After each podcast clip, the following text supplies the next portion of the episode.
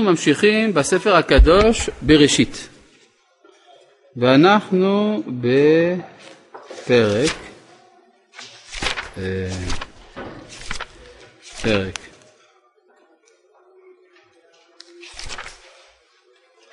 מ"ו.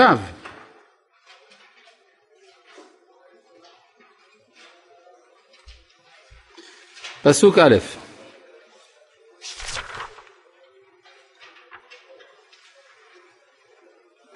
האמת היא הגענו לפסוק ח' כבר, נכון? נכון, אז אנחנו בפסוק ח'. פרק מ"ו, פסוק ח'. ואלה שמות בני ישראל הבאים מצרימה, יעקב ובניו, בכור יעקב ראובן. עכשיו, יש פה משהו לא מובן. בני ישראל הבאים מצרימה, מי הראשון? יעקב. חשבתי ש... איך אפשר להגיד על יעקב שהוא מבני ישראל? הלא יעקב הוא בעצמו ישראל. בני ישראל זה הבנים של ישראל, וישראל זה כינויו של יעקב, איך אדם יכול להיות הבן של עצמו? מבין את השאלה? השאלה ברורה. התשובה היא שיעקב הוא אכן מבני ישראל, ואז זה מגלה לנו דבר שלא ידענו, והוא שאביו של יעקב, ששמו היה יצחק, הוא גם ישראל. כלומר, גם יצחק נקרא בשם, בשם ישראל, על אברהם לא נאמר, אבל על יעקב, כן, על יצחק כן נאמר. ומה המשמעות של העובדה שיצחק מכונה בשם ישראל? יצחק, הרי מה ההבדל בין יעקב לבין ישראל? יעקב זה השם שלנו בהיותנו בגלות או בשפלות, ואילו ישראל זה השם שלנו כשאנחנו בגדלות, בארץ ישראל, בעצמאות, נכון?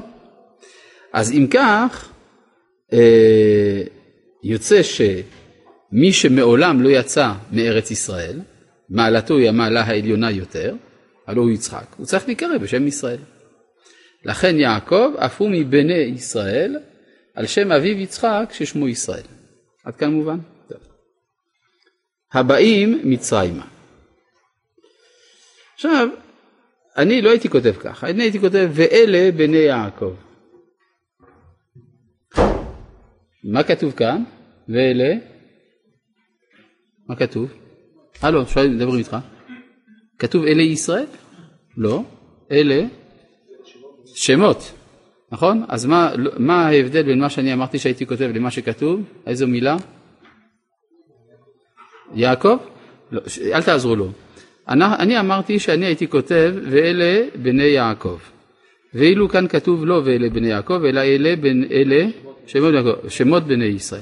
אז אם כן, מה המילה השמות? יפה. אתה רואה? בסוף, אם מתרכזים, בסוף מגיעים.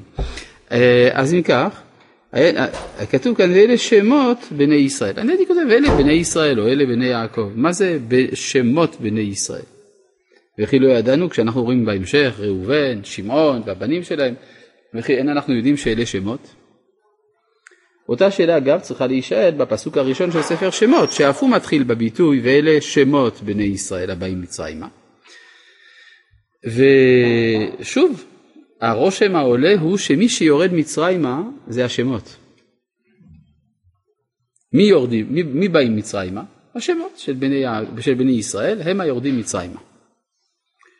כי השמות של בני ישראל הם השמות האלוהיים, הצד הנשמתי שנשאו בהם. שוב אנחנו צריכים לחזור להגדרה המקובלת אצלנו של המילה שם. מה פירוש המילה שם?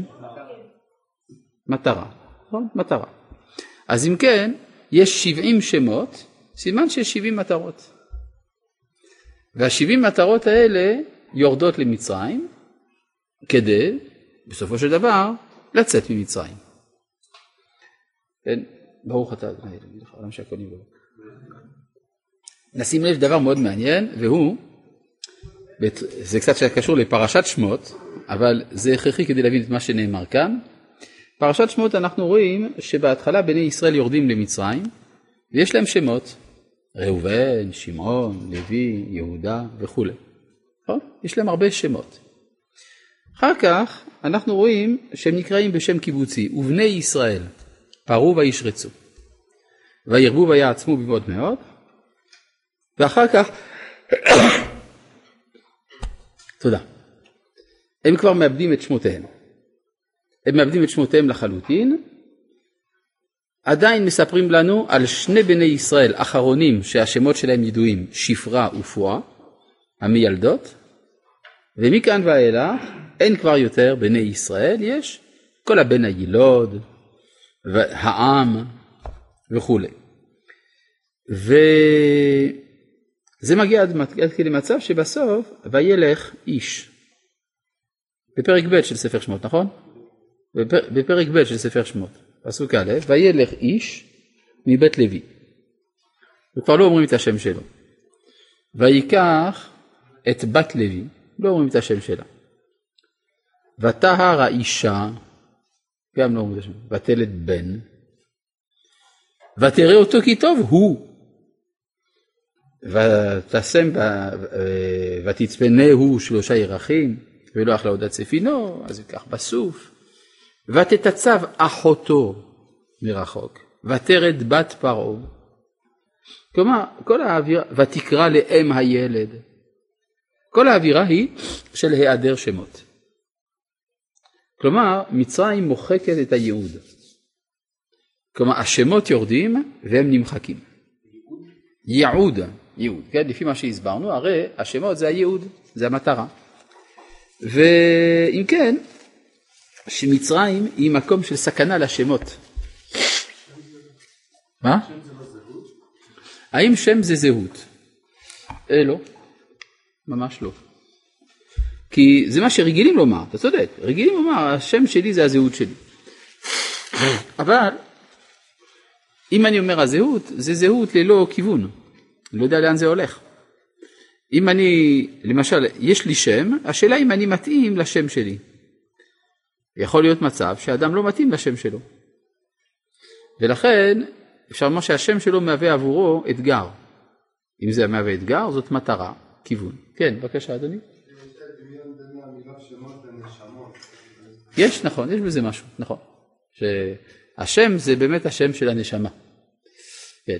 עד שבסוף יוצאים משם. כן? בסוף חוזרים להיקרא בשמות, כשהקדוש ברוך הוא מגלה למשה את השם שלו.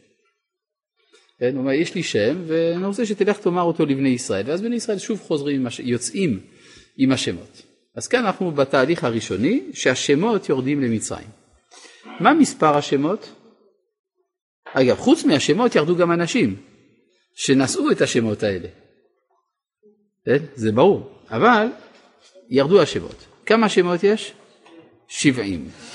שבעים שמות יורדים למצרים. שאלה למה שבעים שמות?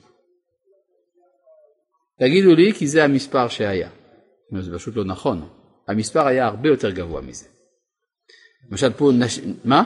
חשובים? כן, אנשים החשובים. אז אני שואל למה יש שבעים חשובים? כנגד שבעים אומות העולם. נכון, הנה היא אמרה נכון. זאת אומרת שהירידה של ישראל למצרים יש לה תפקיד של תיקון העולם ולכן צריך ששבעים שמות ירדו למצרים כדי ללקט את הניצוצות משבעים אומות העולם. דבר פשוט. הדברים האלה, איפה, מי אמר ששבעים נפש של בני ישראל זה כנגד שבעים אומות העולם? האם יש לזה מקור? הרב קוק, הפסוק, איזה פסוק? שכחת, אבל אתה זוכר שיש פסוק, זה נכון. מה? בהאזינו, נכון, בהנחל עליון גויים, בהפרידו בני אדם, יצב גבולות עמים למספר בני ישראל כי חלק השם עמו יעקב חבל נחלתו. כלומר, כיוון שיש 70 אומות, לכן כנגד זה יש 70 בני ישראל. יצב גבולות עמים למספר בני ישראל כי חלק השם עמו. כלומר, אתם רואים שהדרשה הזאת היא לא מדרש, היא מדרש שמשה רבנו כתב אותו. כן, מה אתה אומר? יש 70 צדדים בעם ישראל שכל אחד מהם מקביל נכון, נכון. לכן יש 70 סנהדרין ו-70 סוגים של יהודים. כן, הרב אשכנזי היה רגיל לומר שמדינת ישראל היא המדינה היחידה בעולם שבה אין יהודים. כן? יש יהודים בכל מדינה, פה בארץ יש אמריקאים, צרפתים, רוסים, אתיופים, אמריקאים, כל, כל מיני כאלה, נכון?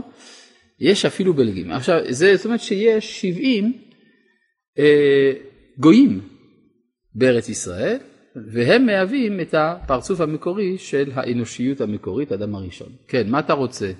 בחר בנו מכל העמים. אשר בחר בנו מכל העמים. זאת אומרת שהוא לקח מכל עם קצת ועשה מזה עם ישראל. נכון? בבקשה. מה זה ללקט ניצוצות? זה מה שהסברנו בפרק אה, ט"ו. אנחנו כבר בפרק מ"ו. בפרק ט"ו הסברנו את זה, לא? כן, בבקשה. איפה אנחנו יודעים שיש 70 אומות? מאיפה אנחנו יודעים את המספר הזה 70? זה למדנו בפרק י"א. פשוט בהלם. מה אנחנו עושים פה? פרק מ"ו כבר. בפרק י"א יש רשימה של 70 אומות, נכון? ובפרק ט"ו מוסבר שם סוד הגלות, שישראל צריכים לרדת לגלות כדי לחבר מחדש את הזהות האנושית שהתפצלה אה, במגדל בבל. אז ליקוט הניצוצות אפשר לומר זה החיבור מחדש של הערכים הפזורים בכל מיני פינות של העולם, כולל הפינות התרבותיות לאומיות. בסדר? כן, טוב. אה, עד כדי כך זה, זה חזק הנושא הזה, למשל שהאור החיים, רבנו חיים בן עטר, בפירושו לתורה, שואל שאלה, מדוע אם ישראל ירדו לגלות כדי להביא ניצוצות, והניצוצות באות לידי ביטוי בין היתר על ידי גרים שבאים מאותם האומות, אז למה אין ברברי אחד שהתגייר? ככה הוא שואל, כן, הוא היה במרוקו, שם זה אומה של ברברים, הוא שואל למה הם לא מתגיירים? זו השאלה שהוא שואל. יש לו תשובה מעניינת, מי שרוצה, שיסתכל שם בפרשת חיי שרה, שם הוא דן בזה. אבל אה, זה, זה, זה היה כל כך אה, חזק ש, שזה היווה אצלו יסוד לקושייה. יעוין גם מי שמעוניין בספר שם הגדולים מאת מרן החידה, הרב חיים יוסף דוד אזולאי, כן? מרן החידה, יש לו ספר בשם שם הגדולים, ושם יש אה, פסקאות פסקאות על כל הרבנים ועל כל הספרים שלהם. אז נא לעיין בסוף החלק השני שהוא מערכת הספרים בערך תלמוד, מה שהוא כותב על ליקוט הניצוצות זה מאוד מעניין, מאוד מעניין, כדאי לקרוא. טוב, אה, אז בואו נמשיך, פסוק ח', כן, ואלה שמות בני ישראל הבאים מצרימה, יעקב ובניו, בכור יעקב ראובן. אה, ובני ראובן, מי הראשון? אה? הלו אתה שם עם הכיפה, מי הראשון מבני ראובן? אני רואה שאתה לא מקשיב, לכן אני כל הזמן פונה אליך. מי הבכור של ראובן? אנחנו בפסוק ט'. חנוך, נו אתה רואה. אם קוראים, יודעים. אה, חנוך. חנוך זה שם מאוד מעניין. איפה מצאנו את השם הזה כבר? בבראשית אצל מי?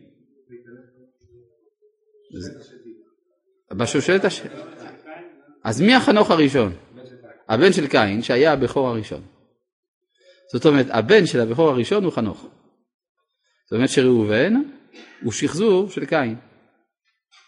וחנוך הוא ניסיון מחודש להצליח, הפעם זה יצליח. כלומר, איפה, כלומר האומה הישראלית לוקחת על עצמה להצליח מחדש איפה שהאנושות נכשלה. לכן יש לנו בספר בראשית ארבעה חנוכים, חנוך בנו של קין, חנוך בן ירד מהשושלת השתית, חנוך מבני מדיין וחנוך הבכור של ראובן, ובני ראובן חנוך ופעלו וחצון וכרמי. עכשיו כדי להביא את הילדים האלה לעולם, אי אפשר להביא ילדים לעולם רק מאיש, צריך גם אישה. מי הייתה אשתו של ראובן?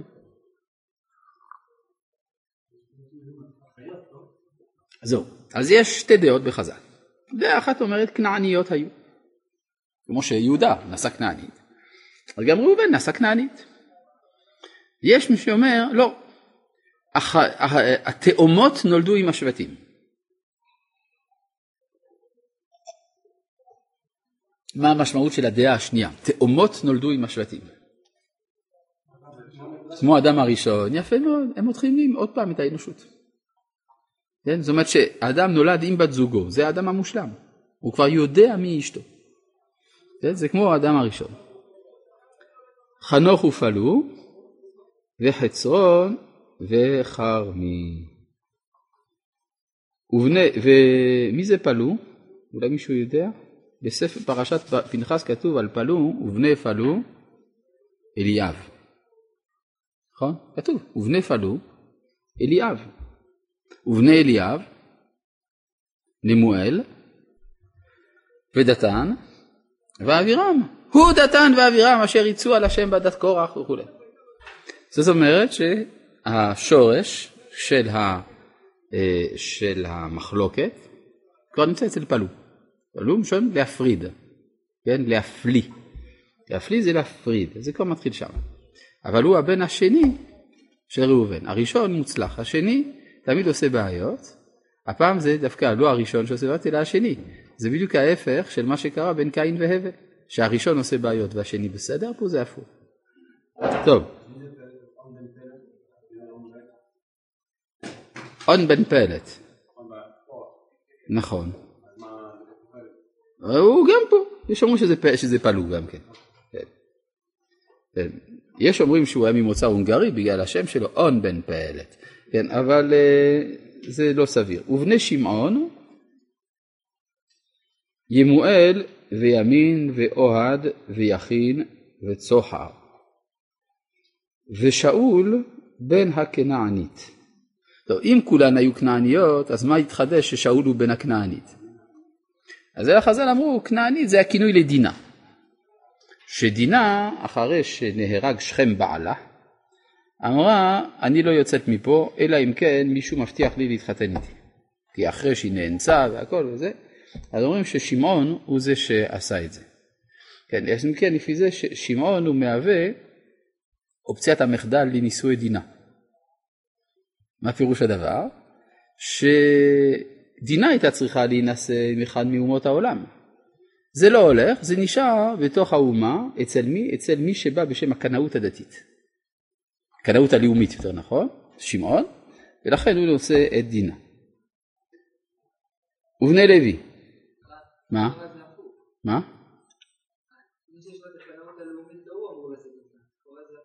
זה בדיוק העניין, הוא לא רוצה שהיא תצא החוצה. הקנאות הלאומית אומרת, טוב, אם זה לא הולך עם הגוי הזה, אז תישארי בבית. נכון? זה מה שהוא אומר. ובני לוי, גרשון, קהת ומררי. ובני יהודה, ער ואונן ושלה ופרץ וזרח. וימות ער ואונן בארץ כנען. והיו בני פרץ חצרון וחמול. עכשיו לא הבנתי פה כלום. פה הרשימה היא הרשימה של הבאים מצרימה, נכון? וכי ער ואונן באו מצרימה? אז למה בכלל צריך לדבר עליהם? את השאלה שלי? אה? מה התשובה? מה? מה ייבום? אה, שפרץ וזרח הם ער ועונן. כלומר, ער ועונן באים למצרים. איך? דרך פרץ וזרח.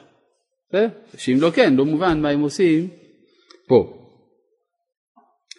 בני כמה היו חצרון וחמול אגב כשהם ירדו? מה? זה הגיל שלהם, הם היו בני ער ועונן. אני שאלתי בני כמה הם היו חצרון וחמול כשהם ירדו למצרים, ואתה עונה לי ער ועונן.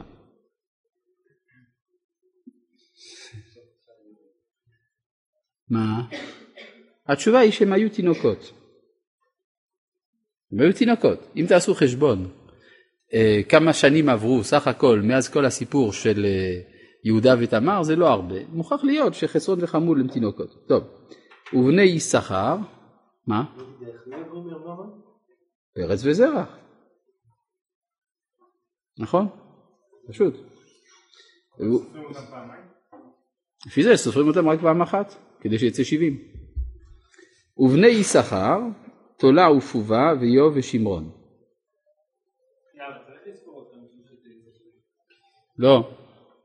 ובני זבולון, סרד ואלון ויחלל, אלה בני לאה אשר ילדה ליעקב פדן ארם ודינה ביתו, כל נפש בניו ובנותיו, שלושים ושלוש, כן.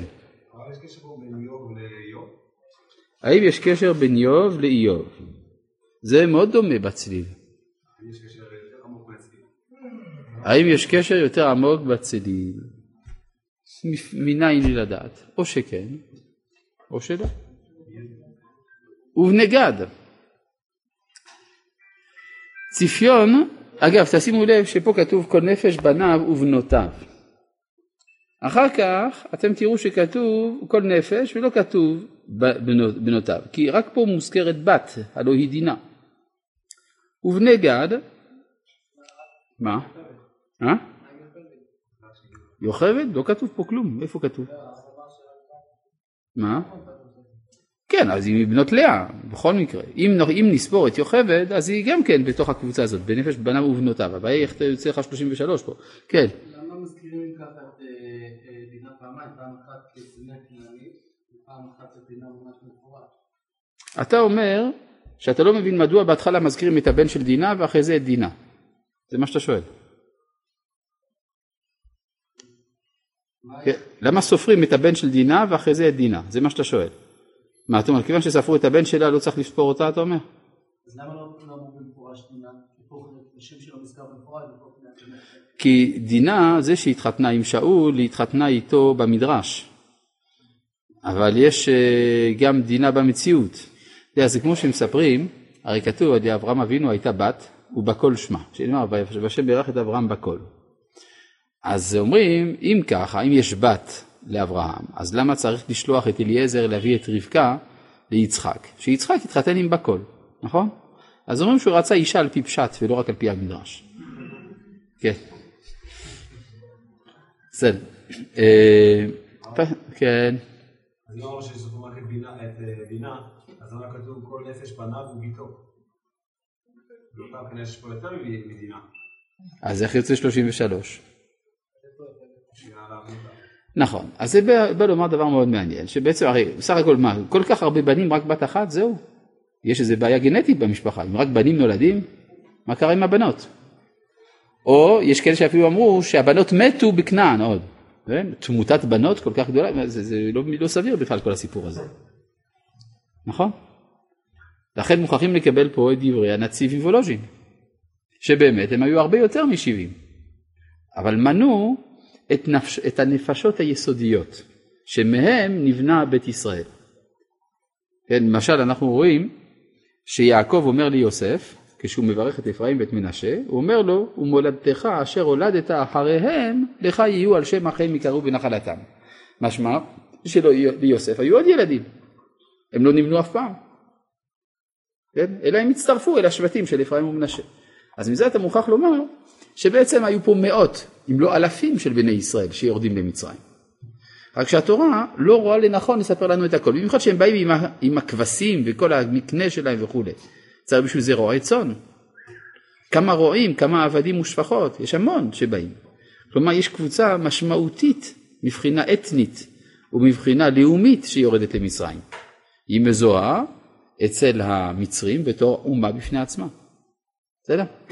כלומר צריך לי, ל, ל, ל, להוציא מהראש שלנו את הסיפור הכביכול משפחתי בלבד. זה משפחה, סבא, בן, נכד, זהו, זה מה ש... לא, זה הרבה יותר רחב מזה. כן. לא הבנתי מה שהרב אה, ענה לו לגבי שאול בן הכנעני. אני מבין את הבדיחה הבנתי, לא בדיחה. את העניין לא הבנתי.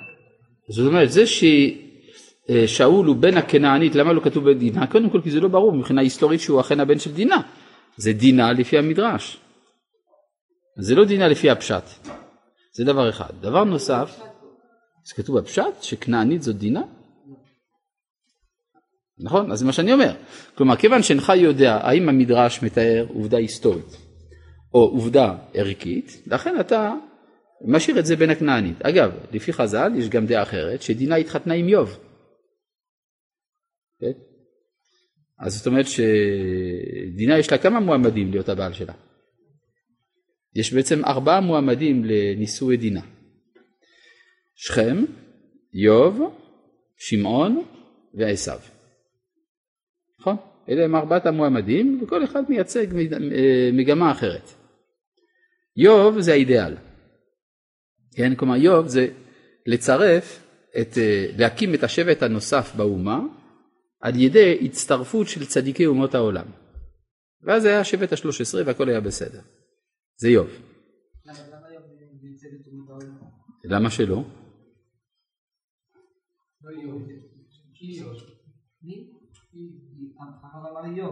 כן, ככה מבטאים את זה. אולי תשאל אותי איך מאייתים את זה. איוב הוא מבני יעקב.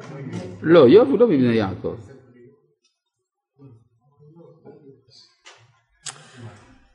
איוב, איוב, איוב, איוב, כן, איוב. חז"ל אומרים שאיוב, שאנחנו מכנים אותו איוב, התחתן עם דינה. זאת אומרת, זה הממד האידיאלי. זה, זה השבט השלוש עשרה עם אומות העולם.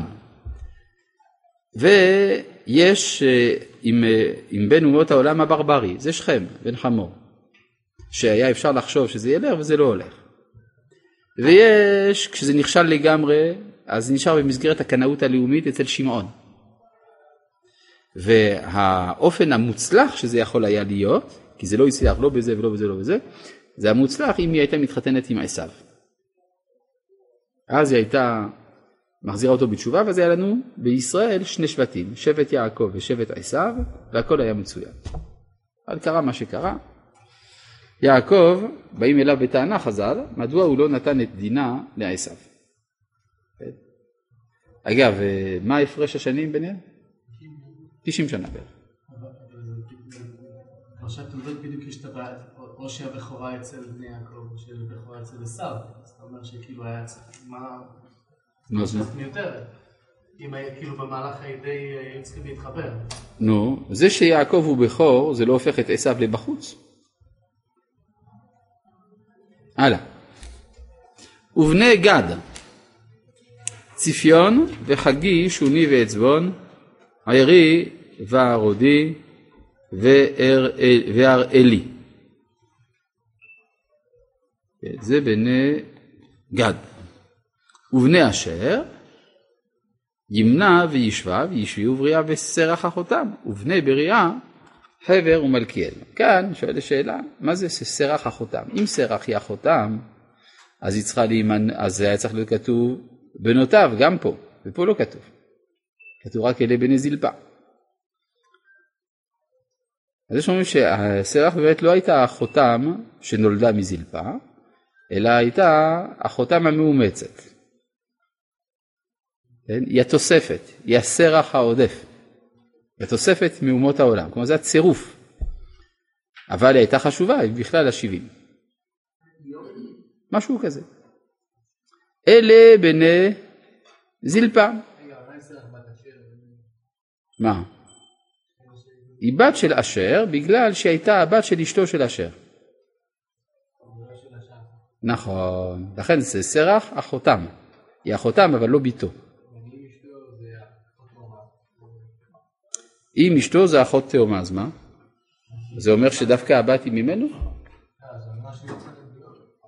אז היא לא צריכה להיות גיור.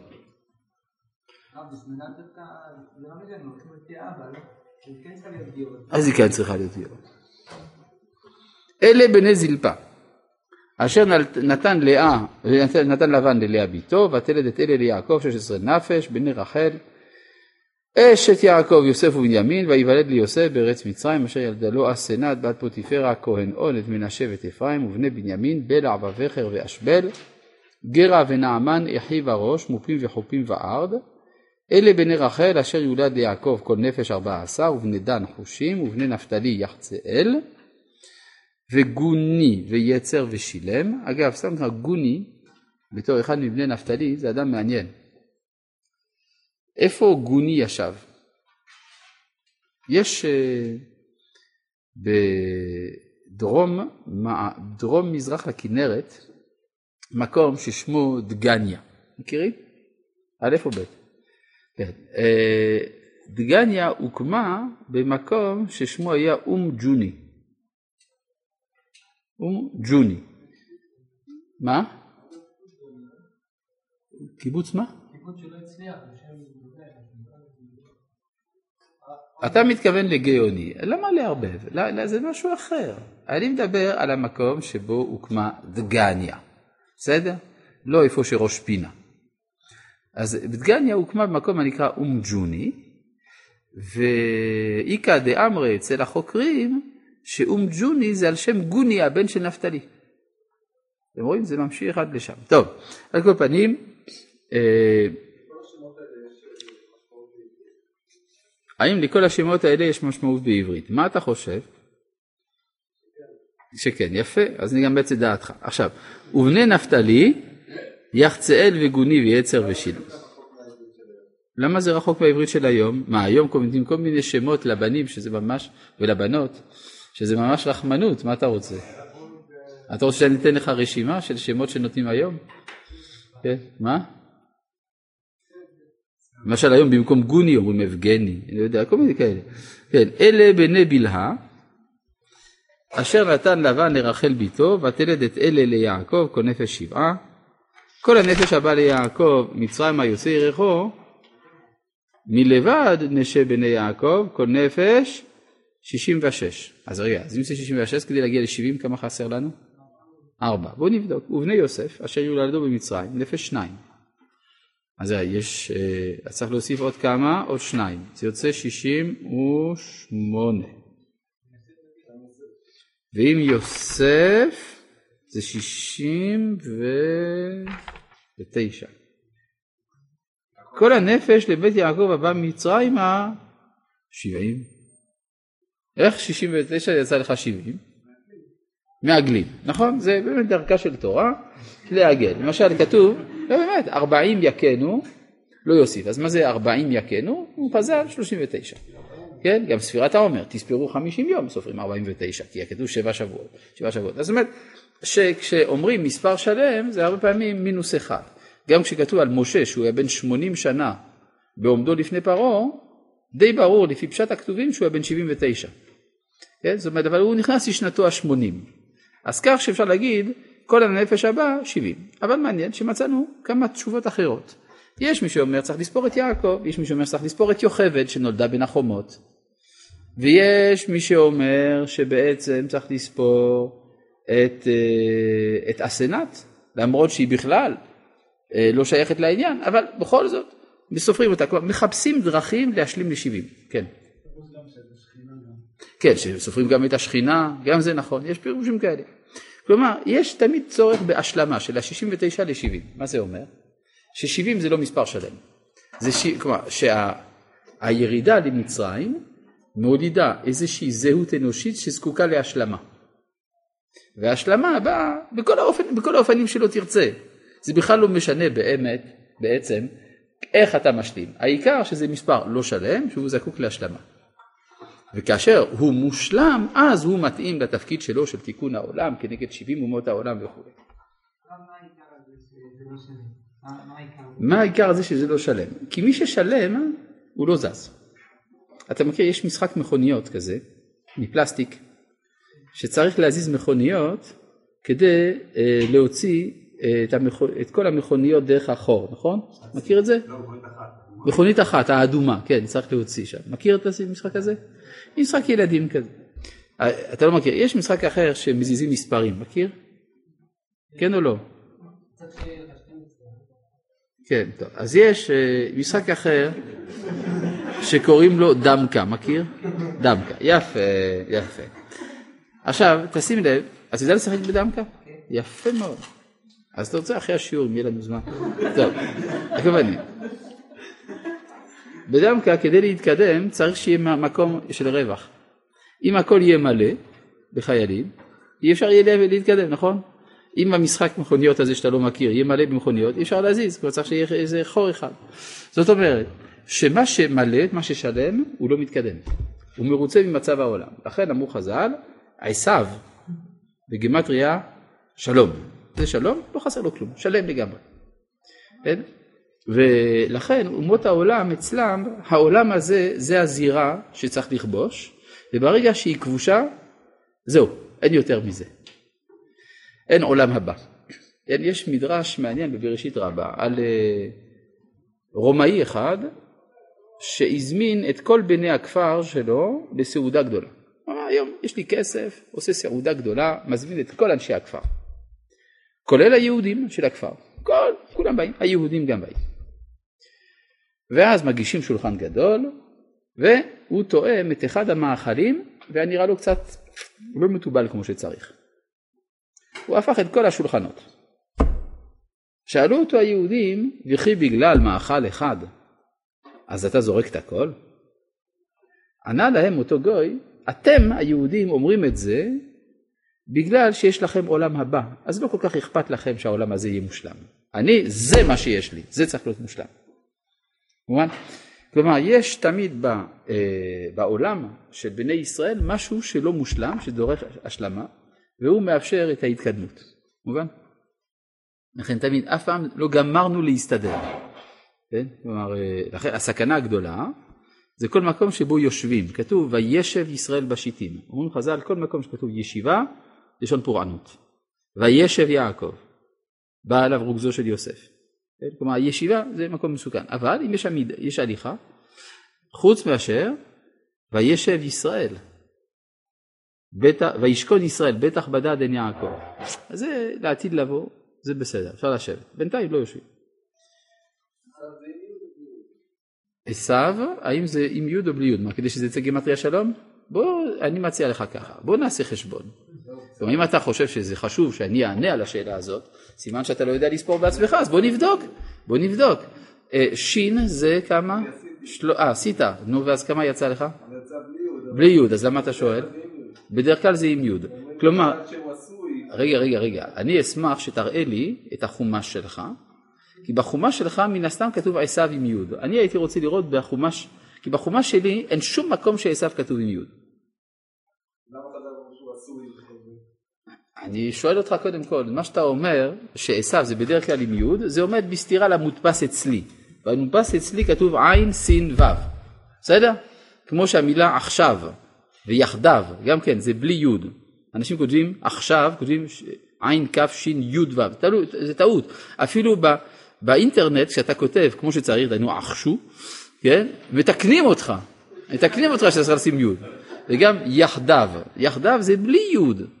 אבל אתה כותב יחדו כמו שצריך, מתקנים אותך, ממש לא בסדר. מה? אז מה בלי ניקוד? ככה זה צריך להיות, ככה זה בלי יוד. כן, אבל, מה? אני יודע, אני יודע, אז מה, זה לא נורא. בקיצור, הדבר הזה אגב גרם לטעות לאחד מגדולי ישראל, לרבנו יצחק אברבנאל, שרצה לומר שיש קשר בין עשיו וישוע, ישו. כן, שי' ש' ו' ע', אותיות כמו עשיו, העירו לו המפרשים שלו שבכל זאת עשיו זה בלי י' בתורה, בסדר? אלא מה? עין סין ו' מלשון עשייה, הוא עשוי, נכון, גם בלי י', אז מה, מה קרה? בסדר. זה בסדר, זה בסדר, אל תראה אותי ככה. טוב, הלאה. אה, אז איפה היינו? מה? למה מייחסים את בלהה, מזכיר את כל הסיפור של לבן נתן אותה לרחל ביתו, מה אכפת לנו? למה בשפחות, גם בזלפה וגם בבלהה, כתוב שנתן אותם לבן? כן, הרי אנחנו כבר יודעים את זה לכאורה, כבר יודעים שלבן נתן את בלהה וזלפה, מה, מה כבר התחדש פה? לא יודע. לא יודע. טוב. פסוק כ"ח ואת יהודה שלח לפניו אל יוסף להורות לפניו גושנה ויבואו ארצה גושן. טוב, הפסוק הזה הוא פסוק עלום ומשמעותי מאוד. בואו נבדוק על מה הוא מדבר. הרי אתם זוכרים כל הסיפור התחיל על רקע מאבק בין שתי שיטות באומה, יהודה ויוסף. יהודה יש לו סברה משלו, יוסף סברה משלו. מה הייתה הסברה של יוסף? הסברה של יוסף הייתה, לפי מה שלמדנו, שעם ישראל נועד לצאת מן המרכז אל הפריפריה. כלומר, לפנות אל אומות העולם, לעבור איזה מין התבוללות, מעין התבוללות תרבותית בקרב העמים, עד כדי כך שהנביא אומר, אפרים בעמים הוא יתבולל. זה כתוב במפורש. אפרים בעמים הוא יתבולל.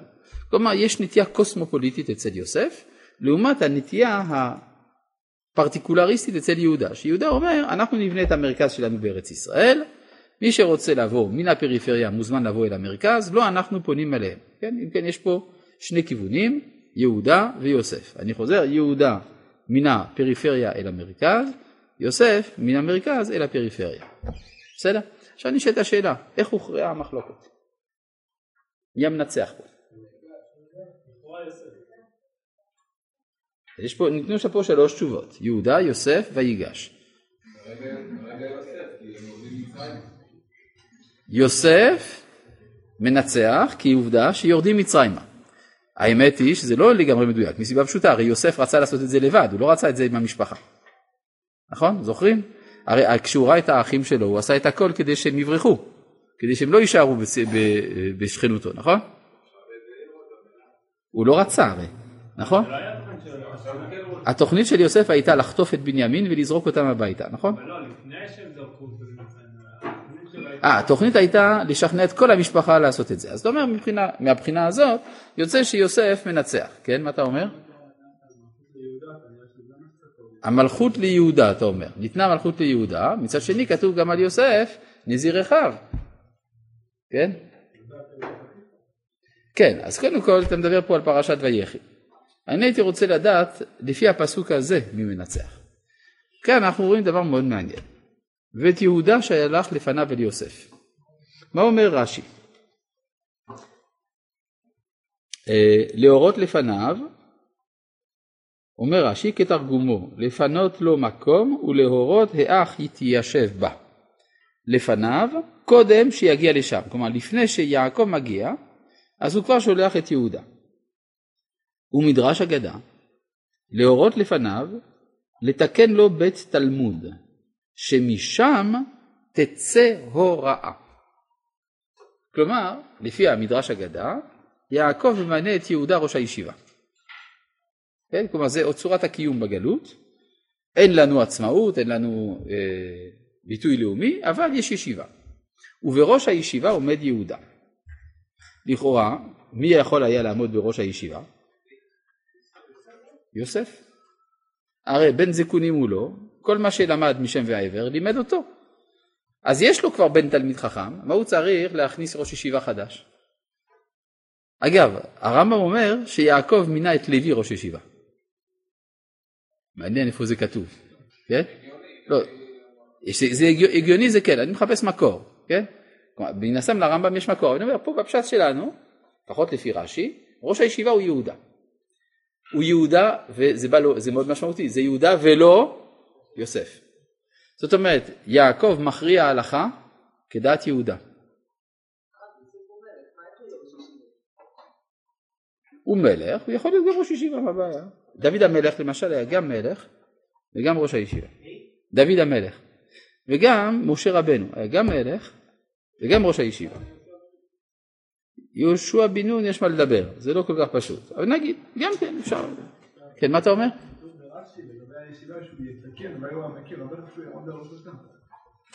לתקן לו בתלמוד, אז ומי יעמוד בראשותה? אתה אומר לוי אולי. כן, יכול להיות. אבל למה הוא צריך את יהודה בשביל לתקן? הרי יוסף הוא המלך, יכול לתת הוראה. אם מדובר לבנות את בניין לישיבה, מה זה בעיה בשביל המלך לבנות את בניין? כלומר, יש כאן מרכזיות ליהודה. אבל מצד שני, לא כתוב, היה מספיק להיות כתוב, ואת יהודה שלח לפניו להורות לפניו גושנה.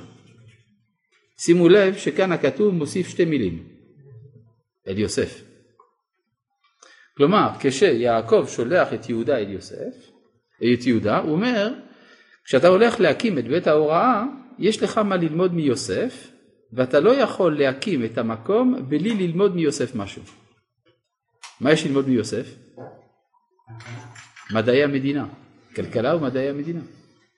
כלומר, אם זאת תהיה תורה בלי חוש מדיני, זה לא תורה. אז עכשיו יוצא לפי זה שההכרעה היא לטובת יוסף או לטובת יהודה?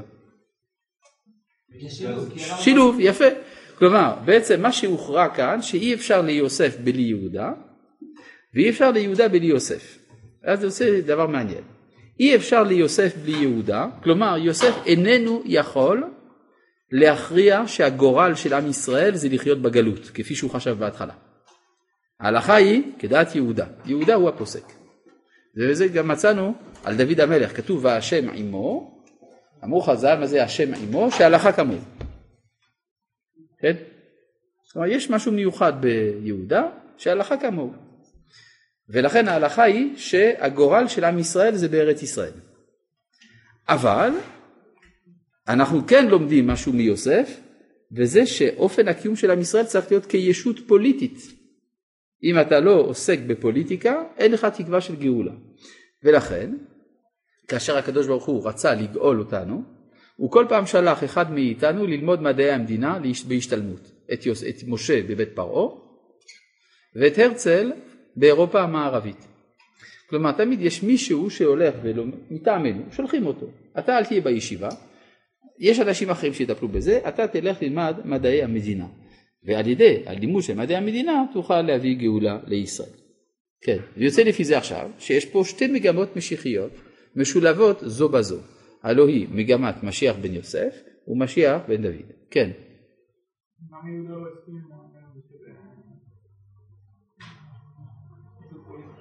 אה, יהודה יש לו נטייה, מצד עצמו הייתה יהודה לקודשו. הוא עוסק בתורה. כן? הקדושה הארץ ישראלית אצלו היא קדושה דתית, לא קדושה מדינית.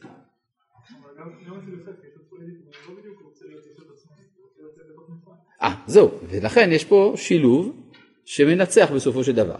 יוסף הוא מומחה ליחס, לתורת המדינה, אבל אצל הגויים. יהודה הוא מומחה לארץ ישראליות, אבל בלי פוליטיקה. אז עכשיו לחבר פוליטיקה וארץ ישראל, יוצא לך ציונות דתית. בסדר? בבקשה. אה, למה לא משיח בן יהודה? היה אפשר שיהיה משיח משבט יהודה, אבל אז הוא היה חי בניגוד עם משיח בן יוסף. הסגולה של דוד זה לאחד את משיח בן יהודה, במידה וזה היה קיים, עם משיח בן יוסף. בסדר? כן, בבקשה. משיח בן יוסף, המשמעות של היום זה משהו, זה לאומיות יתר. כן, אנחנו נלמד את זה בדיוק. כן, כן, אנחנו עוד נבין את זה. לא, אבל זה ברור שיוסף, יש, נגיד ככה, עולה מן הכתוב שיש לנו ארבעה טיפוסים בהנהגת האומה. הלא הם יוסף, יהודה, משיח בן יוסף, משיח בן דוד. זה ארבעה כיוונים שונים לגמרי. בסדר? כן, בבקשה. יוסף שונה משיח בן יוסף? לא. אמרתי שיש ארבעה מנהיג, סוגי מנהיגים. אז אם אתה שואל האם יוסף שונה ממשיח בן יוסף, סימן שהבנת שלפי דעתי יכול להיות שיש רק שלושה. נכון? אחר כך תיקנת את עצמך ושאלת שאלה חדשה, במה שונה יוסף ממשיח בן יוסף? בסדר? התשובה היא שזה ההפך הגמור אחד מהשני. פשוט מאוד. הרי יוסף הוא אמנם בעל כישרון של תרבות כללית, הוא מכיר את הממשות של הכלכלה ואת החשיבות של מדעי המדינה. אבל כל זה הוא רואה במסגרת של אומות העולם. התפקיד של עם ישראל זה לתפוס, הייתי אומר, נקודות מפתח, עמדות מפתח בתוך המדינה של אומות העולם ושמה להשפיע. ומשיח בן יוסף חוזר בתשובה מזה. ואז הוא מחליט שהוא חוזר לארץ ישראל והוא משתמש באותם הכוחות שהיו שם כדי להקים מדינה. דומה לדבר מצאנו אצל חוזה מדינת היהודים, הרצל עליו השלום, זכותו יגן עלינו, שהוא תמיד רצה את טובת עם ישראל. זה אנחנו רואים את זה בכל מה שהוא כתב, וכל מה שהוא עשה, ביומנים שלו בצעירותו, כשהוא ראה את הכאב העצום של העם היהודי, אז הוא הציע כפתרון התבוללות. הוא הציע שתהיה התנצרות המונית, שכולם יעברו לנצרות, כשצריך להבין שבאותם הימים לעבור לנצרות זאת לא הייתה בכלל מחשבה דתית. זה הייתה מחשבה פורמלית, זה אקט פורמלי, כדי להתק... זה כרטיס הכניסה לתרבות האירופית, הוא אומר למה אני להמשיך לסבול? מה הם רוצים? אם אנחנו מתנצרים הם מקבלים אותנו יאללה להתנצר, זו הייתה השיטה של הרצל, מתוך אהבת ישראל, צריך לדעת את זה. אחר כך הוא ראה שזה לא בדיוק הולך, כשהוא ראה איש מצרי שהיכה את דרייפוס, אז הוא החליט שהוא הולך בכיוון של הקמת מדינה יהודית, ואז הוא הפך מיוסף למשיח בן יוסף. במובן הזה שהוא עוזב את האופציה של ההתבוללות והוא חוזר בתשובה. זה לפי זה שהקמת הציונות החילונית מדינית לפי הרצל היא אקט של חזרה בתשובה. יש לנו כלל שאין מזכירים לבעל תשובה את, אה, את אה, חטאיו הקודמים ויותר מזה במקום שבעלי תשובה עומדים צדיקים גמורים אינם יכולים לעמוד. צדיקים גמורים אינם יכולים לעמוד במקומו של הרצל שהוא הבעל תשובה הגדול שהוא חזר בתשובה מהרעיון של ההתבוללות. זה שהוא לא היה דתי זה בגלל שזה לא היה תפקידו ההיסטורי. בכלל הקדוש ברוך הוא לא ציפה ממנו להיות דתי זה לא העניין בכלל. בסדר? יכול להיות שאם הוא היה דתי זה גם היה מעכב משהו. מעכב את האפשרות להתקדם. כי תאר לעצמך שהקדוש ברוך הוא היה אומר לרבנים אני מבקש מכם להקים ועדה ותגידו לי תוך כמה חודשים אני רוצה לדעת איך אפשר להקים מדינה לעם היהודי תוך כדי נאמנות להלכה ואז הרבנים היו יושבים והיו אומרים בסוף ריבונו של עולם ישבנו והגענו למסקנה שזה אפשרי אבל זה ידרוש לסמוך על כל כך הרבה היתרים דחוקים כדי שיהיה צבא שישמור שבת ו... ומערכות של בריאות בשבת וכל מיני דברים כאלה וכשרות בצבא אנחנו מציעים שב ואל תעשה עדיף לדחות את הדבר עד שיימצא אה, פתרון יותר טוב. הקדוש ברוך הוא ברחמיו המרובים ובחסדיו הפשוטים לא רצה להמתין ושלח את בן גוריון עבדו שהוא יודע להקים מדינה ולא אכפת לו אם יהיה כשר בצבא או לא. כן? אחר כך הוא מביא את הרב מימון כדי להגיד לו תשמע אני רוצה פה הסכם קואליציוני שיהיה כשרות בצבא. בסדר? זאת אומרת זה, זה, זה השיטה של יוסף שהופך להיות משיח בן יוסף והוא אומר לאחיו פקוד יפקוד אלוהים אתכם ועליתם את עצמותיי מזה להר הרצל. כן. הרב אומר משהו שהוא נשמע לי קצת אה, לא יודע בעייתי, אבל נשמע שכביכול שולחן ערוך זה משהו שהוא גלותי אולי? לא, שולחן ערוך זה ממש לא גלותי, שולחן ערוך זה ממש ארץ ישראלית, מה הבעיה? אני יודע, אבל מהבחינה הזאת שכאילו אה, מי שנאמן לשולחן ערוך כאילו לא יכול... לא, המצב של העולם הרבני בחוצה לארץ הוא כזה שמרוב חששות של התעסקות בהלכות של הפרט נשכחו העניינים הכלליים שגם הם גופי תורה. בסדר?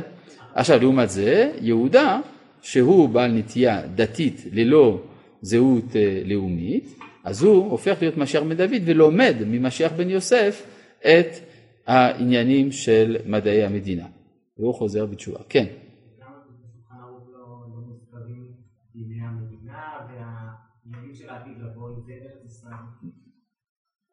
ודאי שזה מוזכר ברמב"ם.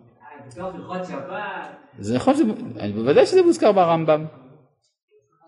הרמב"ם זה שולחן ערוך, זה השולחן ערוך הגדול, השולחן ערוך שמקיף את כל הדורות, אז זה הרמב"ם. כן. האם משיח בן יוסף נשאר חילוני? לא, מן הסתם שאחר כך הוא חוזר בתשובה גם בזה, אבל זה, זה עניין פרטי אישי אצלו. זה לא, בשביל, זה, זה לא מה שמצפים ממנו, נגיד ככה, כן. אבא אמר שהשם כביכול יצא מהרצל שיקיים כמה מצוות. נכון. זה לא אימה מאוד מוזרה, התורה היא לכל יהודים. אה כן? מי אמר לך? כלומר אתה לא מסכים עם ההלכה שאומרת שיש דבר כזה תינוק שנשבע שפטור מן המצוות. כן, לפי ההלכה, תינוק שנשבע פטור מהמצוות. טוב, אתה, יש לך יהדות אחרת שסבורה שאין מעמד כזה בהלכה, אבל אצלי בשולחן ערוך כתוב שכן יש דבר כזה. גם במסכת שבת כתוב אצלי. טוב, עד כאן להיום, שלום.